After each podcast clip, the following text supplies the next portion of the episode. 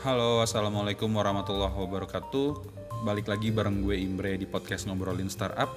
Di episode kali ini gue bakal cerita tentang uh, beberapa hal tentang data engineer, tentang apa itu data engineer dan kemudian gimana caranya jadi data engineer dan ilmu apa yang harus dipelajari untuk jadi data engineer dan beberapa hal lain.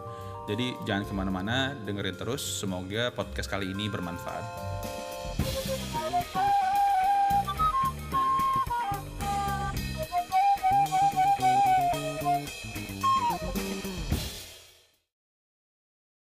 Halo, assalamualaikum warahmatullahi wabarakatuh. Selamat datang lagi di podcast ngobrolin startup dan teknologi bareng gue, Imbre. Sebelumnya di episode sebelumnya kita udah bahas tentang data science dan marketing science bareng Zulfikar. Kemudian eh, kebetulan setelah itu ada yang nanya ke gue tentang data engineer, data engineering itu apa dan kemudian gimana sih cara jadi data engineer dan kebetulan beberapa waktu yang lalu gue juga sempat ngejawab salah satu pertanyaan tentang data engineer di Quora. Gue bakal bahas pertanyaannya nanti dan gue juga bakal cerita tentang uh, gimana sih caranya untuk jadi data engineer, kemudian ilmu-ilmu apa aja yang perlu kita pelajari supaya bisa jadi data engineer dan kemudian sebenarnya permasalahan seperti apa sih yang pengen diselesaikan oleh data engineer. Nah, uh, gue bakal mulai dari pertanyaan yang gue jawab di Quora beberapa waktu lalu jadi pertanyaannya adalah, saya seorang back-end engineer yang ingin mencoba menjadi seorang data engineer. Apa yang pertama harus saya lakukan? Adakah referensi bagus untuk buku elektronik atau pelatihan daring yang harus saya ambil? Nah, eh, terkait dengan pertanyaan ini, gue punya jawaban yang lumayan panjang di Quora. Jadi daripada lo repot baca, mending gue ceritain langsung aja. Jadi Uh, kita akan mulai dulu dari definisi tentang data engineer. Data engineer itu apa sih? Menurut gue, data engineer adalah sebuah pekerjaan yang memiliki tanggung jawab untuk mengumpulkan data, melakukan pemrosesan data, hingga mempersiapkan data yang siap digunakan oleh data science, business analyst, atau berbagai macam role atau stakeholder lain di sebuah perusahaan atau di sebuah project.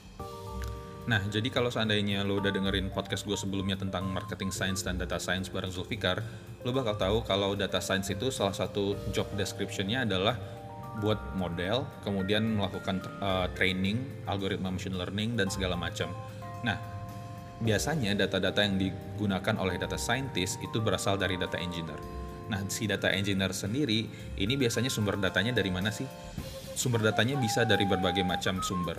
Salah satunya adalah misalnya kalau seandainya kita punya website, kita bisa pakai uh, kita bisa kumpulin data-data kayak clickstream, event stream, atau kalau seandainya kita punya database yang beberapa database yang tersebar di beberapa tempat, si data engineer nanti juga akan make data itu kemudian diproses dan kemudian ditaruh di sebuah tempat. Nah, sebuah tempat ini nanti yang akan digunakan oleh si data science untuk mengambil data-data yang mereka perlukan untuk kebutuhan machine learning mereka. Apakah mereka pengen bikin model dan segala macam. Jadi uh, ringkasnya adalah data engineer itu tanggung jawabnya mengumpulkan data, ngebersihin data, melakukan pemrosesan data, dan kemudian naruh data itu di suatu tempat supaya bisa dikonsumsi oleh pihak-pihak lain dalam sebuah proyek atau perusahaan. Jadi clear ya bedanya antara data engineer dan data science yang data engineer tugasnya ngumpulin data, ngebersihin dan naruh ke data warehouse sementara data science tugas tugasnya lebih untuk bikin uh, data modeling dan kemudian data training dan segala macam. Uh, machine learning juga dan pokoknya banyak lah. Nah, kemudian uh, kalau seandainya kita pengen jadi data engineer, ilmu-ilmu apa aja sih yang harus kita kuasai? Nah, kalau menurut gue ada beberapa hal yang perlu kita pelajari dan harus uh, kita pahami banget sebagai seorang data engineer. Oke, okay, uh, eh, kita mulai dari yang pertama. Yang pertama itu menurut gue adalah pengetahuan tentang ETL. ETL itu apa? ETL itu merupakan singkatan dari extract, transform, dan load. Jadi sebenarnya uh, eh, ETL ini adalah sebuah proses yang sering dilakukan oleh seorang data engineer. Nah kalau seandainya lo nggak kebayang ETL itu apa, jadi ETL itu adalah proses buat ngambil data itu diibarkan dengan ekstrak. Kemudian ada T-nya itu transform. Transform itu maksudnya adalah mengubah data dari suatu bentuk ke bentuk lain atau membersihkan data. Kalau misalnya lo ada data-data yang nggak lo butuhin, terus ya udah datanya lo bersihin, lo buang dan kemudian lo cuma dapat data-data yang penting doang. Dan satu lagi adalah load. Uh, load itu maksudnya adalah menyimpan data-data tersebut ke database. Nah, jadi ETL itu extract transform load artinya ekstrak ngambil data, kemudian mengubah data dan kemudian menyimpan data itu di sebuah media penyimpanan seperti database atau blob storage dan segala macam. Nah, teknologi-teknologi ETL ini sebenarnya banyak banget. Yang paling terkenal itu adalah uh, Hadoop MapReduce, kemudian ada Apache Spark dan, dan ada Apache Beam juga dan lain-lain, ada Apache Flink dan segala macam. Nah, kalau itu biasanya framework uh, eh, ETL yang dipakai untuk uh, big data processing. Artinya peng, uh, komputasinya dilakukan secara terdistribusi. Tapi kalau seandainya lo pengen melakukan ETL dengan jumlah data yang kecil, sebenarnya lo bisa pakai aplikasi-aplikasi sederhana kayak Python, kemudian ada Panda dan segala macam. Uh, Pandas itu library kalau gue nggak salah. Jadi lo bisa pakai banyak hal. Jadi tergantung kebutuhan. Nah, saran gue untuk mempelajari ETL ini adalah instead of uh, directly jump into the um, framework hal yang pertama yang harus lo lakukan adalah memahami tentang konsep-konsep yang ada di dalam ETL. Nah kalau tadi gue udah nyebut tentang Hadoop MapReduce, lo yang menurut gue adalah saran terbaik gue adalah sebelum lo mulai ngerjain Hadoop MapReduce, sebaiknya adalah lo paham tentang uh, MapReduce itu sendiri apa, dan kemudian cara kerjanya kayak gimana, map itu seperti apa, reduce itu seperti apa, dan ada proses-proses di antaranya itu kira-kira akan berimpact seperti apa.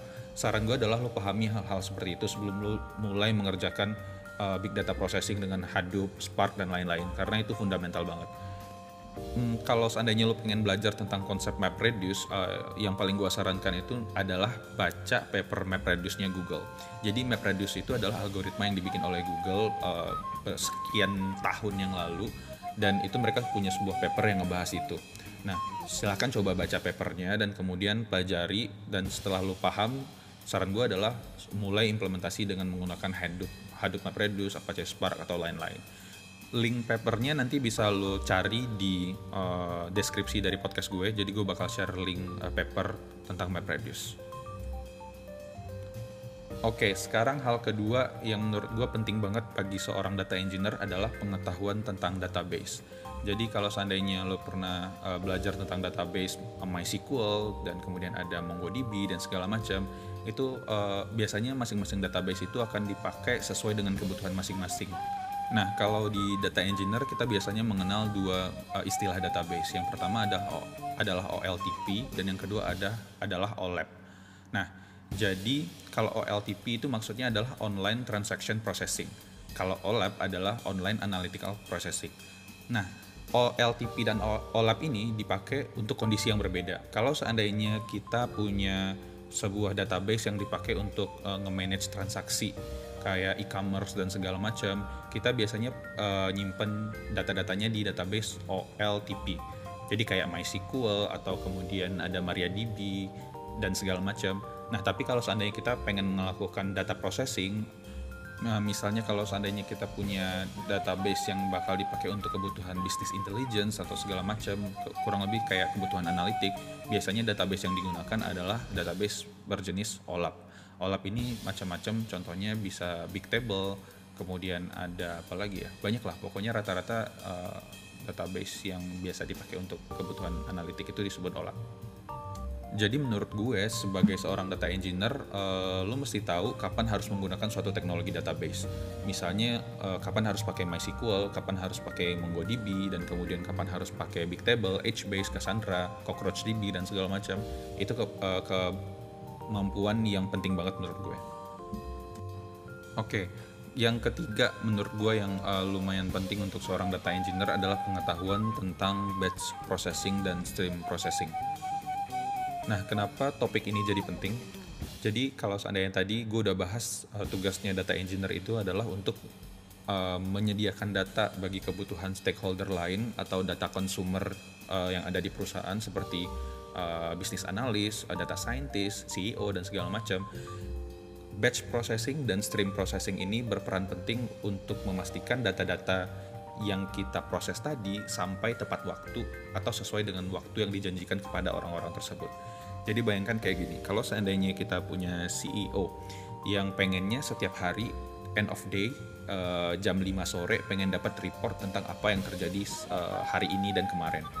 Nah, nah biasanya yang dilakukan adalah si uh, data engineer nanti akan ngeran cron job atau uh, job yang udah di schedule sekitar jam 3 atau 4 sore untuk menghitung semua hal. Kemudian setelah uh, komputasinya selesai, hal tersebut ditaruh ke, sebu ke sebuah database dan kemudian reportnya di generate supaya bisa dilihat oleh CEO.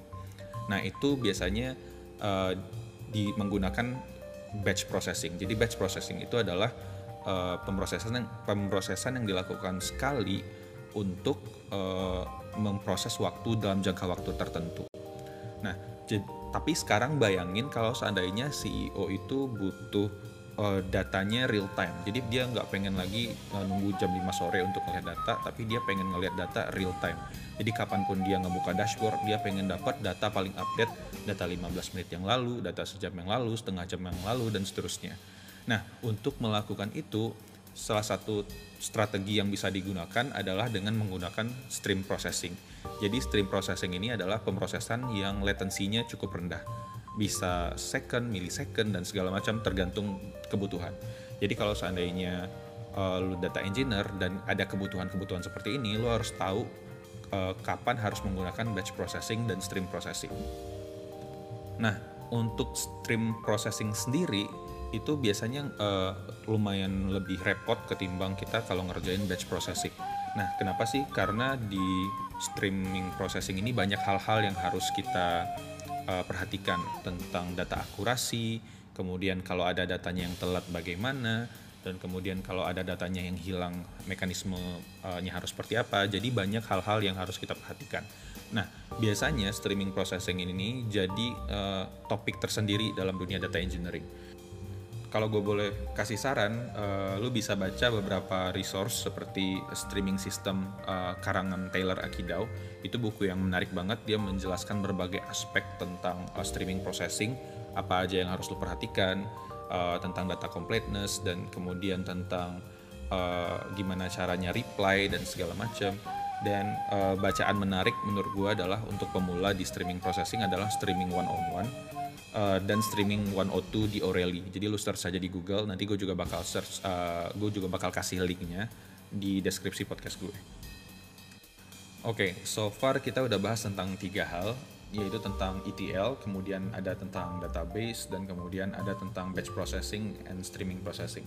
Nah, hal keempat yang menurut gue nggak kalah penting adalah tentang kemampuan merancang data pipeline. Tadi gue udah jelasin di depan uh, si data engineer ini punya tanggung jawab untuk mengumpulkan data yang tersebar dari berbagai tempat. Itu bisa apa aja?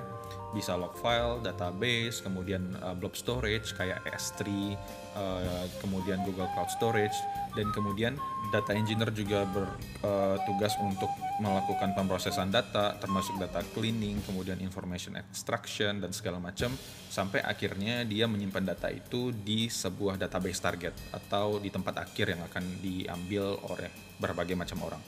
Nah, eh, masing-masing hal tadi kayak ngumpulin data, kemudian uh, proses data, kemudian nyimpen data itu bisa punya teknologi masing-masing. Jadi kalau seandainya mau ngumpulin data nih, uh, lo bisa punya crawler. Crawler itu bisa lo pakai Python dan kemudian lo nge-crawl berbagai macam website. Nah, si selain itu kalau seandainya lo pengen uh, ngebaca dari database, lo mungkin punya Java app yang kemudian nge-query database dan kemudian ngambil datanya.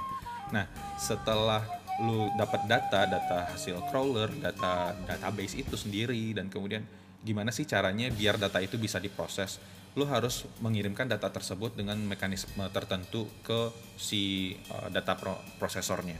Kayak lo bisa pakai semacam message broker ketika lo dapat data dari crawler kemudian datanya lo kirim ke message broker dan ketika lo dapat datanya dari database lo bisa kirim datanya juga ke message broker. Nah setelah data itu ada di message broker, kemudian di proses kedua adalah lo akan melakukan pemrosesan data. Di tahap itu adalah lo akan ngambil data dari message broker, kemudian melakukan data cleaning, kemudian mengekstraksi informasinya dan segala macam. Dan setelah itu uh, lo bisa nyimpan data-data tadi ke berbagai macam database. Nah, untuk melakukan processing sendiri, lo bisa pakai berbagai macam hal. Lo bisa pakai Apache Spark, lo bisa pakai Apache, uh, Apache Hadoop, bisa pakai Apache Beam dan segala macam dan di sana pun lu juga bisa punya streaming pipeline atau batch pipeline tersendiri dan si database tempat data itu akan disimpan juga ada banyak hal jadi ada banyak teknologi yang bisa lo pakai dan uh, data engineer juga merupakan salah satu orang yang bertugas untuk menentukan berbagai macam uh, teknologi tadi dan bagaimana mereka bisa fit in satu sama lain. Jadi lo nggak ngasal milihnya supaya uh, semuanya itu tetap bisa sinkron. Untuk urusan ini uh, sebenarnya nggak ada resource yang uh, saklek yang harus lo baca.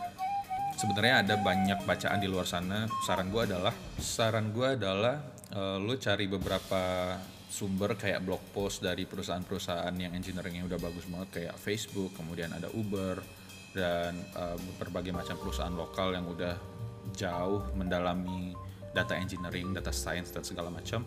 Baca blog-blog mereka dan di sana lu bakal dapat banyak insight tentang bagaimana sih berbagai macam kebutuhan itu bisa diselesaikan dengan berbagai macam uh, engineering decision atau engineering architecture.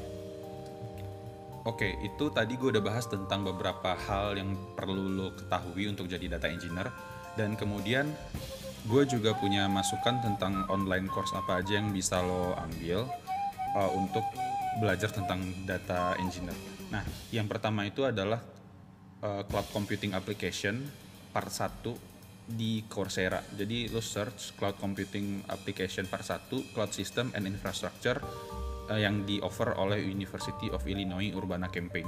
Jadi dulu gue belajar tentang MapReduce di sana, gue juga belajar tentang CAP theorem dan juga belajar tentang zookeeper. Jadi di sana bahas tentang konsep-konsep uh, teknologi dis, uh, distributed system dan kemudian mereka juga punya hands-on lab dan segala macam. Dan kemudian online course kedua yang gue sarankan adalah si S109-nya uh, Harvard itu tentang data science jadi di sana uh, sebenarnya nggak data engineering banget, tapi ada beberapa ilmu yang bisa lo pakai untuk menjadi data engineer. Karena di sana ada course tentang gimana cara pakai Spark, kemudian ada gimana sih uh, machine learning dan segala macam dan gue itu menarik banget dan bisa lo jadikan untuk bekal lo uh, sebagai data engineer. Dan kemudian mata kuliah yang menurut gue sangat bermanfaat uh, ketika gue bekerja sebagai data engineer sebenarnya adalah uh, mata kuliah yang gue ambil ketika gue S2 itu adalah uh, mata kuliah cloud computing yang di offer oleh CMU Carnegie Mellon University.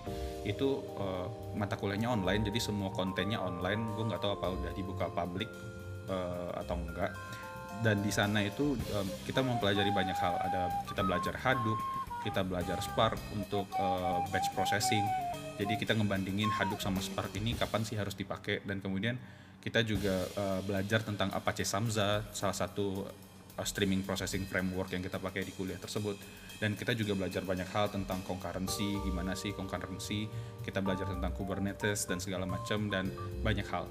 Dan kemudian uh, sebenarnya ada banyak online course di luar sana lo tinggal search dan menurut gue uh, untuk jadi data engineer itu yang penting itu adalah dua lo paham konsepnya dan kemudian lo hands on dengan konsep-konsep yang udah lo pelajari sebelumnya nah kemudian ada satu pertanyaan lain terkait tentang data engineer yang menurut gue menarik. Uh, ada teman gue yang nanya, kira-kira startup butuh nggak sih seorang data engineer di fase awal mereka? Jadi ketika lo bikin startup baru dan kemudian lo punya, uh, lo udah mulai punya customer, kira-kira butuh nggak sih data engineer?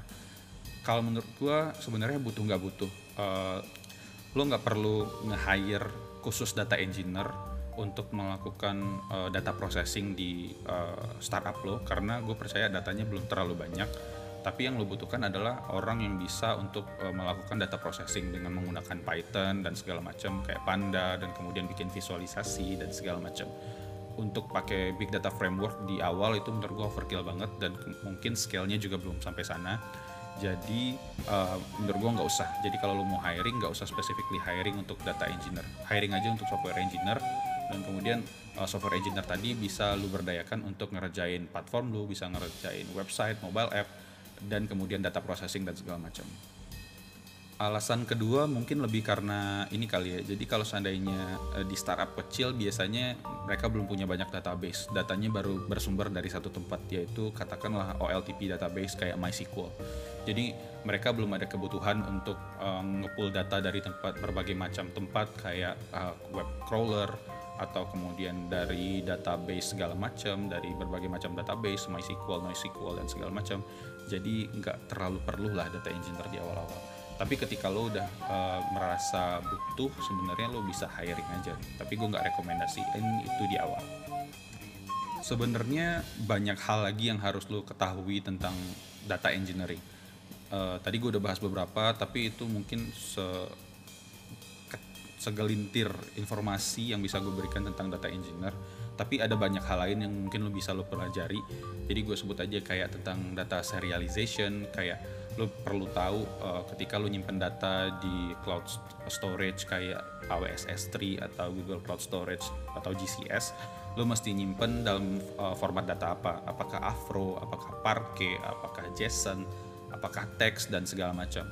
Uh, itu juga sangat penting Kemudian lo juga perlu tahu tentang teknologi-teknologi uh, message broker kayak Kafka, kemudian ada Google PubSub, ActiveMQ, kemudian RabbitMQ dan segala macam. Teknologi-teknologi itu juga common dipakai di dunia data engineering buat transfer data dan segala macam. Dari gue itu aja, gue nggak punya hal lain. Uh, kalau seandainya lo pengen baca lebih jelas tentang uh, jawaban gue di Quora, nanti gue bakal share linknya juga dan gue harap apa yang gue share ini bermanfaat. Semoga dengan um, mendengarkan podcast gue ini lo bisa mulai untuk belajar jadi data engineer kalau lo mau. Dan kemudian semoga lo bisa jadi sukses dengan pilihan profesi lo sebagai data engineer. Dari gue itu aja. Kalau seandainya lo punya pertanyaan komentar saran dan masukan tentang podcast gue pengen bahas apa lagi setelah ini dan kemudian pengen ngedatengin narasumber siapa lagi silahkan uh, kasih tahu gue. Uh, gue ada aktif di twitter di @imbrenagi silahkan uh, hubungi langsung gue di twitter dan lo bisa uh, ngasih masukan lah. Nah atau kalau seandainya lo pengen ninggalin voice message lo bisa langsung ke anchor.fm slash ngobrolin startup. Lo bisa tinggalin voice message di sana. Uh, dari gue itu aja. Terima kasih udah dengerin uh, mudah-mudahan kita bisa bikin podcast episode berikutnya dalam waktu dekat. Dan setelah ini gue bakal punya kerjasama yang cukup menarik uh, dengan salah satu entitas ya gue nggak perlu sebut sekarang mudah-mudahan kerjasamanya berhasil. Doain aja dan nanti kita akan bahas tentang topik-topik yang gak kalah menarik bareng uh, entitas tersebut. Jadi itu aja. Terima kasih. Wabillahi taufik wal hidayah. Assalamualaikum warahmatullahi wabarakatuh